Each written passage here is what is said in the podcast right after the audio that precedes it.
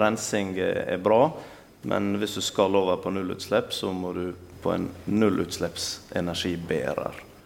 Du hører på Tekfisk, podkasten om teknologi og forskning i sjømatnæringa. Forrige uke kunne vi igjen ta podkasten vår opp på scenen, og det skjedde under Next Wave-konferansen på Giske utenfor Ålesund. Og med det lar jeg konferansier Arne Hjeltnes presentere deltakerne i sofasamtalen. Nå skal jeg få være med på en podkast som heter Tekfisk. Og eh, de som skal være med, er Chris Remøy. Kom fram her. Christian Østervold. Ja, gjerne en applaus. Christian Østervold og Sigurd Teige. Og den som skal leie podkasten, er Kjersti Sandvik. Vær så god. Å bygge en ny fiskebåt er stort for et rederi. Det dreier seg om mange arbeidsplasser. Det dreier seg om investeringer på i 300-400 millionersklassen. I hvert fall for de båtene som disse her tre representerer. Og det er mange valg og hensyn som skal tas. Ikke minst når det gjelder hva type drivstoff båten skal gå på. I dag, om 10 år, 15 år, 20 år, alt etter hvor ofte de bygger nytt. Skal de satses på den gamle, gode dieselen, eller skal vi satses på batteri, naturgass, hydrogen eller kanskje noe helt annet? Det skal vi høre mer om nå fra disse tre, og jeg gleder meg til å høre hva dere har å si. Og Da begynner jeg med yngstemann her. Chris Remøy fra Nordnesgruppen. Du er, hei. Du er teknisk sjef i Nordnesgruppen. Eh, hvordan har rederiet du jobber i, tenkt når dere valgte en ombygging på, eh, av eh, Nordbas? Eh, når oss eh, valgte det, så var det fordi at eh, det begynte å komme krav om skal ikke dere bygge ny båt snart? Eh, og da følte ikke oss at vi var klar til å, å, bygge den båten som vi eh, tror oss har drømt om. Og da var det ei ombygging som var, var, valget for oss. Eh, både med tanke på at det finnes mye bra som du kan bygge om, og også at eh, vi tror at det var løsninger som vi ville prøve ut før vi bygde en helt. Så det lå ikke en tanke om gjenbruk bak der? Det, det gjorde det. Du gjorde det, ja. ja. Mm. Men ble det noe billigere å, å, bygge om enn å bygge nytt? Eh, det skulle det iallfall bli. Eh, og så eh, tror oss nå det at vi har fått veldig mye båt for pengene nå. Um, og der er mye innovative løsninger om bord. Eh, Hva er det? Kan du si noe om de? Ja, altså Det som har vært viktig i Nordbass-prosjektet, det er å ha full energikontroll. Oss, oss driver med fiskeri, tråling, som er et ganske energikrevende fiskeri.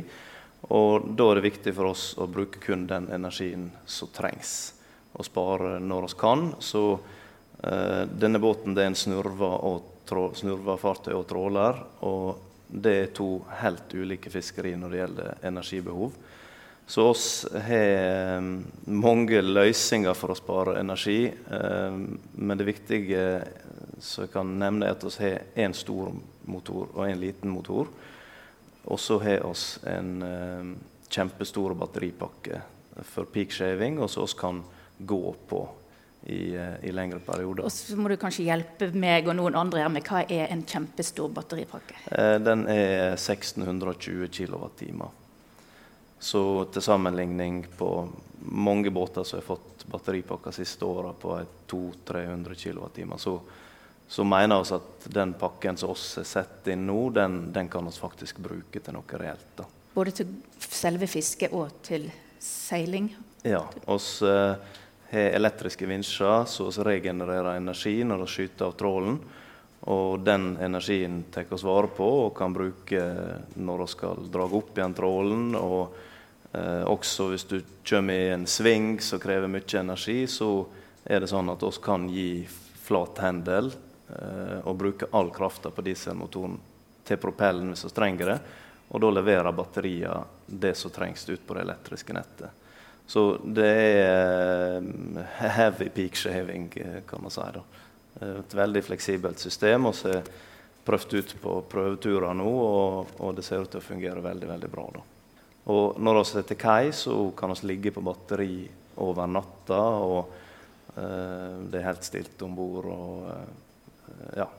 Det, det, er veldig anvendelig, egentlig. Da. Så du gleder deg til å sette den i fiske? da? Det gleder vi oss veldig ja.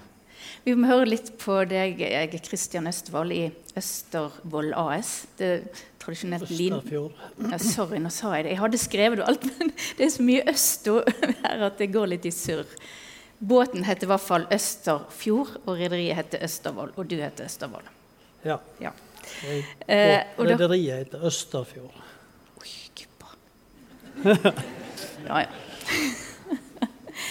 Og det hjalp ikke at jeg hadde denne jukselappen. Ja, ja. Men dere har i hvert fall eh, Båten dere bygger, er en, litt nytt for dere. En kombinert linebåt og snurrvad. Men dere satser litt på den gode, gamle dieselen med rensesystem om bord. Hva så gjorde at dere Og så har dere en batteripakke. Men kan du fortelle litt om valgene dere har gjort? Ja, nei, Vi har jo valgt eh tosteps-gir og med to motorer. En stor motor til å stime med, snurve med. Og eh, så har vi en hjelpemotor, eller en mindre motor vi skal drive lina med, og så har vi en hjelpemotor til. Så vi prøver egentlig å optimalisere de forskjellige fiskeriene med, med valg av motor. Så det er jo PTI-system da, som tar seg av eh, fremdriften av propellen.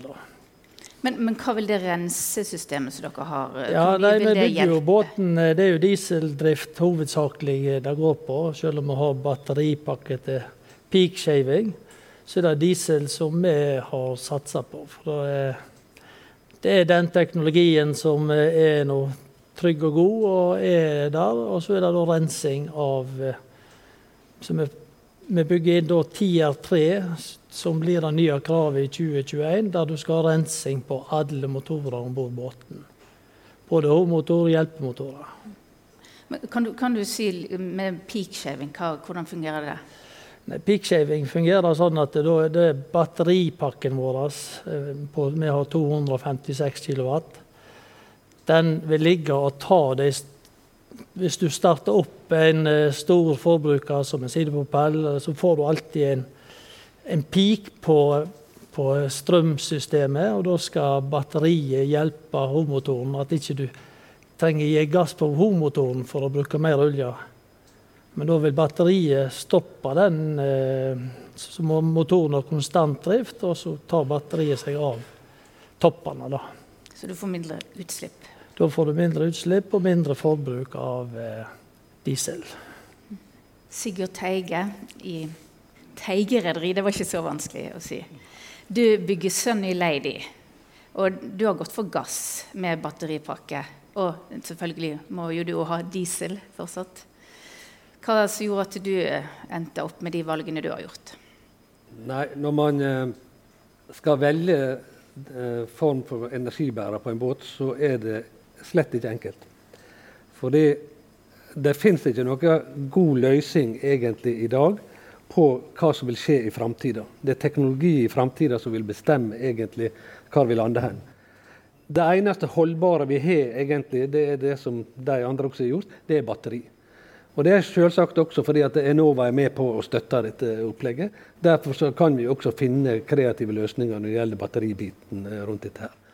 Men videre så ligger ikke der noen føringer egentlig framover. Vi tror at det å satse på gass vil være, gi den beste driftsøkonomien på denne båten i framtida, og vil være det mest framtidsretta, for å si det sånn. Men foreløpig så er jo òg den gassen fossil gass. Ja, og da er vi jo egentlig tilbake igjen egentlig når vi skal velge energibærere på en sånn båt så må vi, vi, Det som vi har å forholde oss til, det er jo ikke noen politiske avgjørelser og forhold som på en måte ligger til grunn, men vi har på en måte Parisavtalen som et mål egentlig for hvordan dette blir. Og Den er ganske klar på hva slags mål vi skal oppnå fra 2050 og hva vi skal oppnå fra 2030. Eh, og Legger vi til grunn egentlig den gasspakken og den batteripakken som vi har, så mener vi at den eneste mulige måten til å nå de målene, er at vi må gjøre det i to trinn. Pga. teknologien er ikke klar.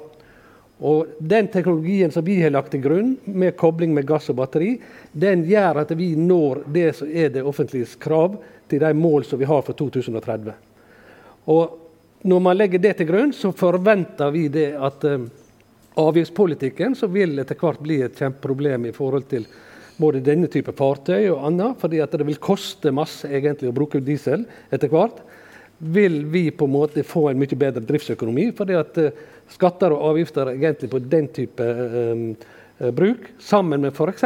biogass fra Gjøsund havn, vil kunne gi en plass mellom 50 og 100% reduksjon på utslipp. Og Det vil jo være en fantastisk utgangspunkt. Så, så har vi gass så også som utgangspunkt for at vi kan bruke hydrogen, vi kan bruke ammoniakk, og vi kan komme opp i et nullutslipp fram til 2050. Det er på en måte vårt mål i dette. Du sa de andre, Hvor stor var din batteripakke? 1000 kW. Men så egentlig så er dere litt Du sier teknologien er ikke der ennå, men likevel så har dere valgt måtte velge teknologi. Hvor, hvor eh, skummelt er det holdt jeg på å si, å, å, ta valg på noe som egentlig ikke er helt klar, men, men har ja, et mål der framme om at dere skal ha nullutslipp? Nei, skal du svare? Begynn du. Ja. Nei, det, det, er ikke, det, er jo egentlig ganske enkelt òg, for vi kan jo ikke bruke en teknologi som ikke eksisterer. Vi må ha noe som er her i dag, og da må vi gjøre det beste ut av det som er her i dag. Og da må det jo renseteknikker og andre teknologier. Gass er jo òg et alternativ, men da blir jo båtene òg veldig store. Skal du få plass til gasstankene i det. Så eh, det, det, er teknologien som eksisterer i dag, vi må bruke. Altså Når vi kommer til 2050, så får vi håpe at teknologien kanskje er, er annerledes, sånn at vi kan bygge en ny båt i 2050 òg. For den nye teknologien som skal ta oss videre. Du må kanskje ha en båt innimellom der òg? ja, kanskje da. Det er jo sånn at vi må jo bygge båter etter hvert som eh, ja, vi ser fiskeriene utvikler seg. Fiskeriet er konstant i utvikling, og du må tilpasse deg de nye fiskeriteknologiske tingene som skjer.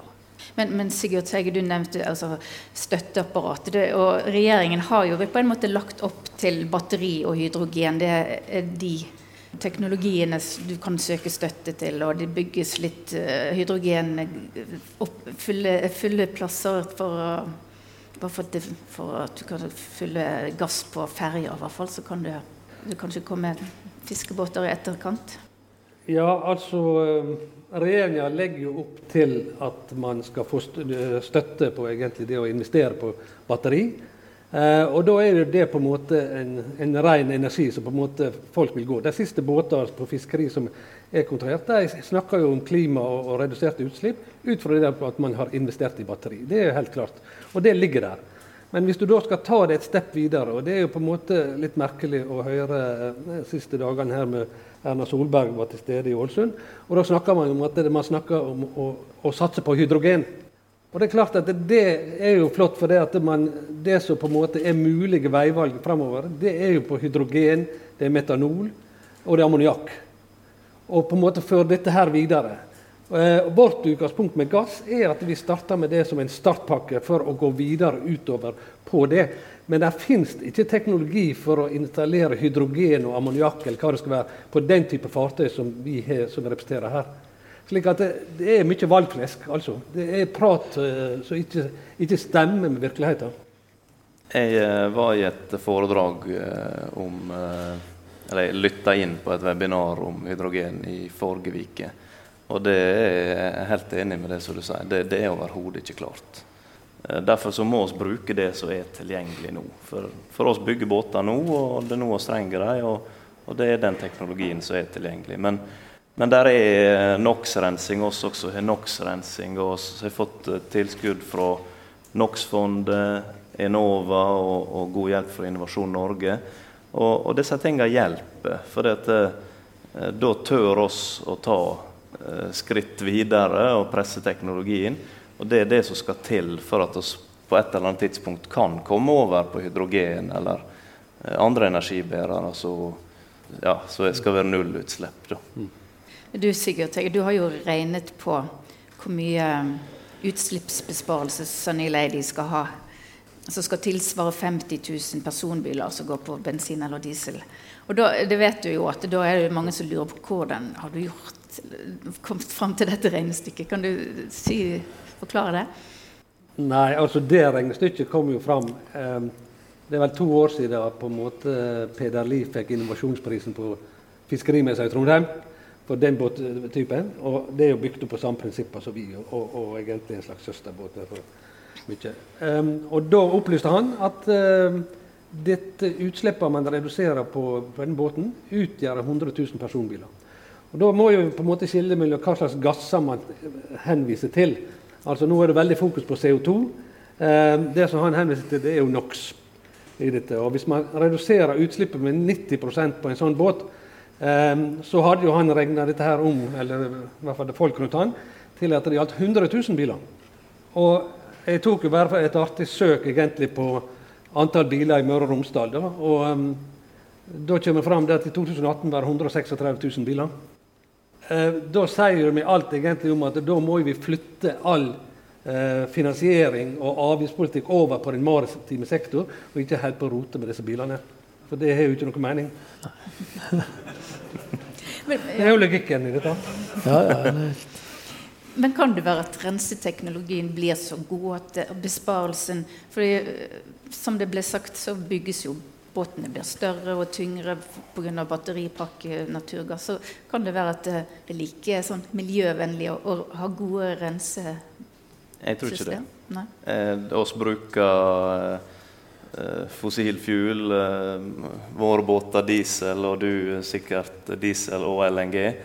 Og, og det er det som er energikilder nå. Og du, du, kan rense og rense, men vi kommer fortsatt til å bruke denne fuelen. Så Eh, oss må komme oss videre ifra det.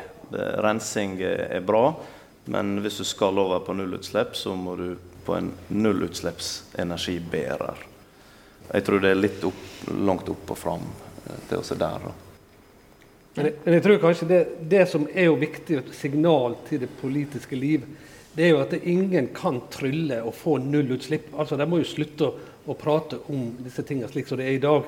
Det er ikke teknologi. Det, det, vi trenger tid. Vi trenger tid på logistikk, på utbygging av havner, bunkersanlegg. Alt mulig egentlig som vi trenger flere år på. Og Den eneste farbare vei i forhold til fagfolka sitt utgangspunkt, det er at man kan begynne med gass. For det gir 90 eh, reduksjon på NOx, og så gir det 20-30 reduksjon på eh, CO2. Nå så jeg det på den siste eh, båten som den Selvåg senior som var var i eh, tegna på, på tegnebrettet, de hadde regna ut at de reduserte utslippene med 45 og Jeg skal ikke eh, si noe om hvor de kommer fram til det. Men det er på en måte det første trinnet som er mulig å ta de første åra. Hvis ikke så må vi på en måte få en, en digitalisert revolusjon på motorsida innen kort tid hvis det skal forandre seg. Så det er et mål i forhold til 2030. Og så må vi gå på neste mål videre, egentlig, med blanding, enten skal være biogass eller ammoniakk osv. Men det jobbes det med egentlig på i mange miljø, og det kommer. Vi snakket jo om at det er jo store arbeidsplasser, disse båtene deres.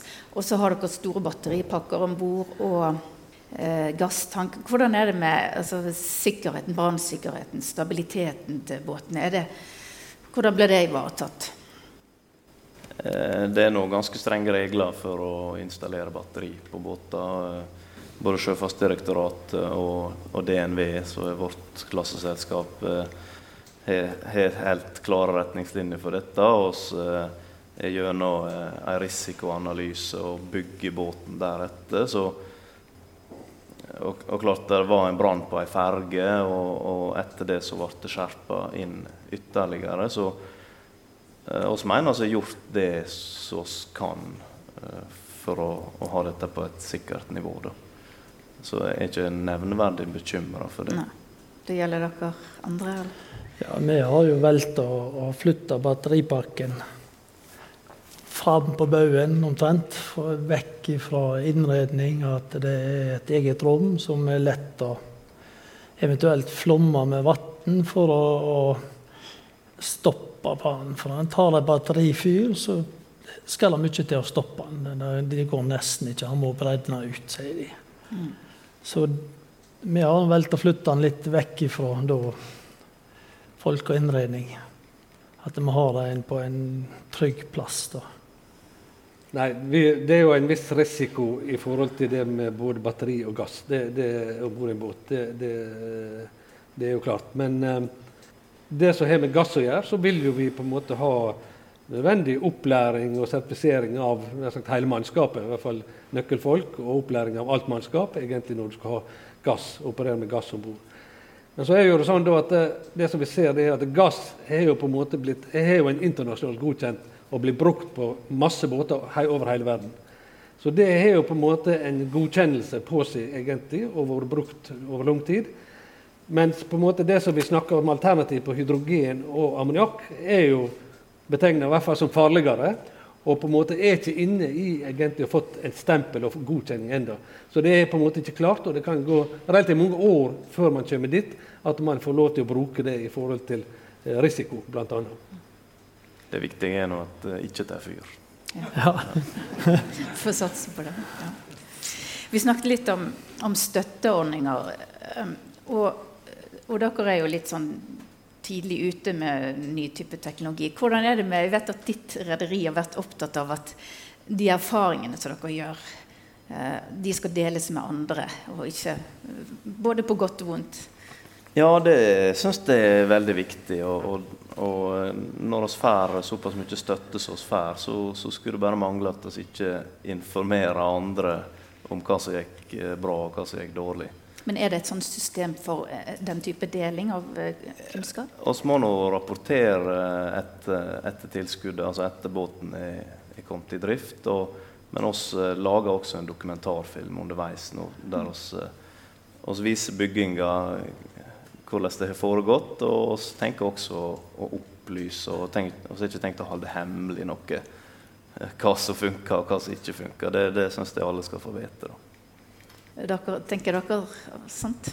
Ja, det, dette med støtteordning er jo god ting for å få bygge båtene og gjøre dem mer miljøvennlige. Men så er det vanskelig å få ut pengene igjen da, når du skal bevise at så og så mange liter sparer du og alt dette her. Så eh, det er en utfordring med å få igjen støtte som i utgangspunktet båtene får. Du tenker på NOx-støtte? Ja, på NOx-støtte. Mm. Jo, men, men erfaringer med i selve byggingen og driften, altså Fins det et sted der du ja, kan dele den? Ikke meg bekjent. Nei, ikke som felles forum som folk kan gå inn og snakke og diskutere. Blir det Facebook, da? ja, på Facebook. Ja. Nei, altså Støtteordningene er nå veldig viktige. Vi har ikke kunnet gjort det som vi gjør nå uten virkemiddelapparatet. Mm. Og Det gjelder både NOx-fond, Enova og Innovasjon Norge. Så det har vært helt avgjørende for, for de, de tingene som oss prøver ut nå på Nordbas. Mm. Eh, så det, er, det var vel noe rykte om at NOx-fondet skulle legges ned. Ja, de endrer litt på. Er de endra på det? 2025. På hvordan du skal få tilbake pengene. Det vel. Men Nei, altså Det som eh, går på NOx-fondet, det er jo på en måte i den form det har vært, det blir jo eh, avvikla. Slik at f.eks. båter som skal ha støtte på gass og denne biten som det er nå, de må ha kjølstrekking før 31.12. i år. Og da har det litt av tid, da. Eh, dette har, tror jeg en del med EU-regler og en del sånne ting. Problemstillingen er jo det at det, eh, både politikere og folk på en måte roper over seg at vi må nå ha fokus på klima. Og det er jo blitt uh, veldig sterkt fokus på klima, også i forhold til disse prosjektene. Men på en måte, politikken følger jo egentlig ikke med på hvordan dette skal fungere. Det er ingen her som på en måte, Vi har aldri bygd en båt, har ikke fått støtte på den, det som vi gjør nå. Ikke til gass og knapt nok til batteri. En batteripakke som vi har på 1000 kW, har kosta 10 millioner kroner sannsynligvis. Og de skal byttes hvert tiende år. Altså Dette ruller kostnader hele tida. Og på en måte du får så lite mindre nedbetalt på avgift at du, du, du, du regner ikke det hjem igjen. Det å bygge båter med gassanlegg eller gasstank slik som vi har, Det kommer ikke til å skje egentlig innen fiskeri framover nå hvis ikke man endrer på den muligheten for å få støtte. Det er ikke mulig å regne seg tilbake igjen på å bygge denne type båter og få det regnesvarende og få ned utslippene hvis ikke man gjør noe. Så Det henger ikke sammen, det som politikerne snakker om, og det som de gjør. Hva burde vi vært gjort, da? Jeg tror det man må opprettholde Det vil koste flesk, som det gjør egentlig på alle ferjer. Så vil det koste masse penger å få flåta vridd over til å få reduserte utslipp, og kanskje nullutslipp etter hvert. Det vil koste masse penger, og det er ikke økonomi i flåta til egentlig å begynne å gjøre det sjøl på egen, egne initiativ. På den andre side så ser vi over sikt at eh, skattepolitikk, avgifter og alt vil, er, vil betydelig økes i de neste åra som kommer, også for fiskeflåten. Ingen vei tilbake. Og jeg er helt sikker på at det blir en mare i forhold til den situasjonen som vi, vi kommer opp i. Og Da blir det veldig mye fokus framover på fiskeripolitikk kontra klimapolitikk, på hvordan dette her skal fungere. Så det må skje det må på en måte sånn elbilpolitikk inn i den maritime sektor for at vi skal på en måte få en vinkling der vi, vi bygger flåta ut eh, til å gi mindre utslipp. Kristian, er du enig i det? Elbilpolitikk i fiskeflåten?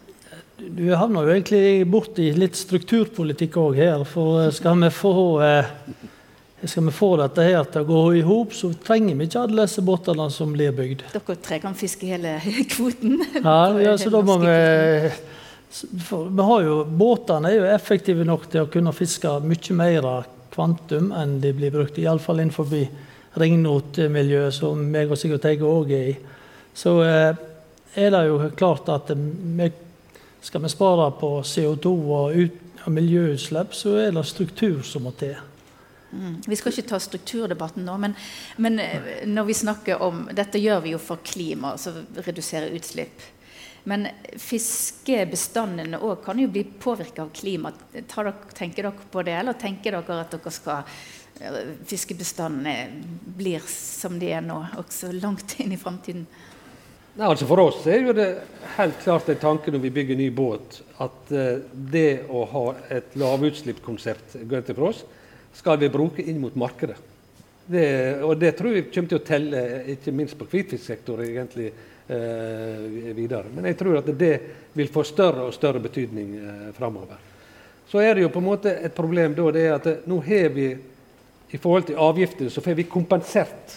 Det er en kompensasjonsordning som gjør at vi får redusert avgiftene.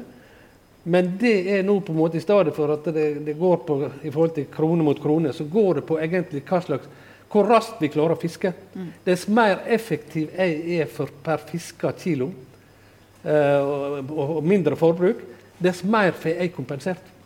Så det er jo en politikk stikk i strid med det som er de politiske eh, signalene på det som har med strukturpolitikk å gjøre. Så dette blir veldig morsomt etter hvert når det, det skal komme opp, og politikerne skal forholde seg til det at det, skal vi velge mot klimaet og få andre effekter ut av det? Eller skal vi beholde dagens politikk, der vi er sånn rimelig enige om hvordan denne strukturpolitikken og hvor strukturen i flåta skal være? Men dette blir en kjempeutfordring. Det blir det sikkert. Men, men, det tar vi en annen gang. Men jeg bare tenkte litt på det med markedet. Du sier at du tror du vil få igjen for det i markedet. Tenker dere det at eh, forbrukerne vil se på pakken liksom, og hvor mye CO2-utslipp eh, eller klimagass har denne fisken eh, stått for. Tror dere at eh, vi forbrukere vil eh, gå sånn og sjekke fisken i butikkene? Jeg tror nok at vi er på vei dit, ja. Det, det, det, tror jeg. Du ser nå stadig reklame for ja, frittgående høns og så videre. Så, Frittsvømmende fisk, ja. ja der, men der er nå villfanga fisk allerede et godt stempel i utgangspunktet. Da. Men jeg tror nok at forbruk fuel per kilo fisk vil ha noe å si i framtida.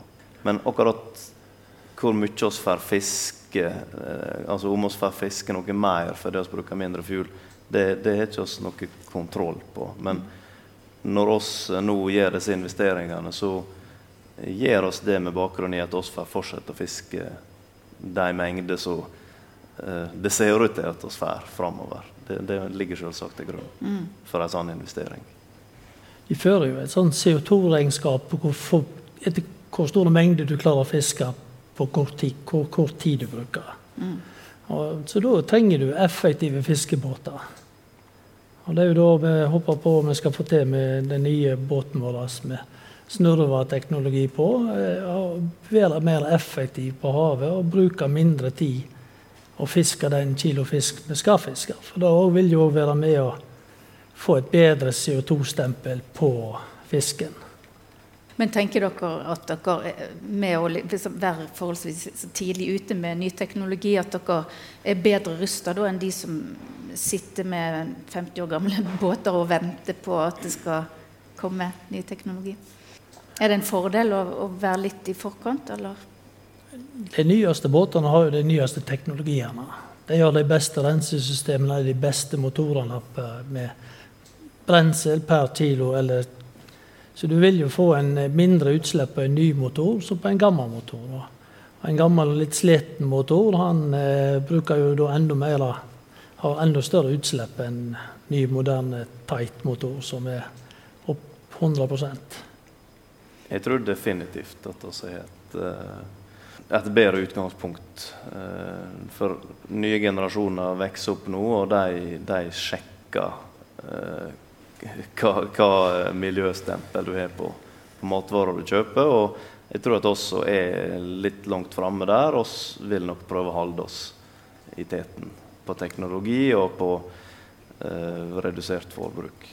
Og, og det, det, er, miljø inne i bildet, men litt sånn som Sigurd sier, at eh, det, det, er politikk i det. Men klart at oss har en egeninteresse også i å spare fuel, for det koster penger. Mm.